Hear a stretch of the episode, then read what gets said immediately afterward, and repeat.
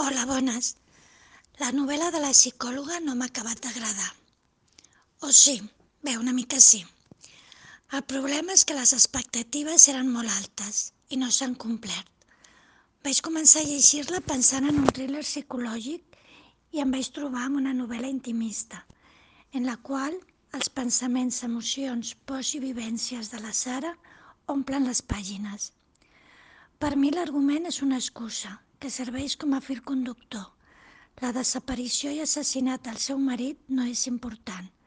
El que és realment important és el món interior de la Sara i la relació amb el seu entorn, físic, laboral, social, íntim i familiar. Com a thriller crec, crec que donava per més. M'ha sigut fàcil de llegir, però m'he avorrit una mica per la falta d'acció.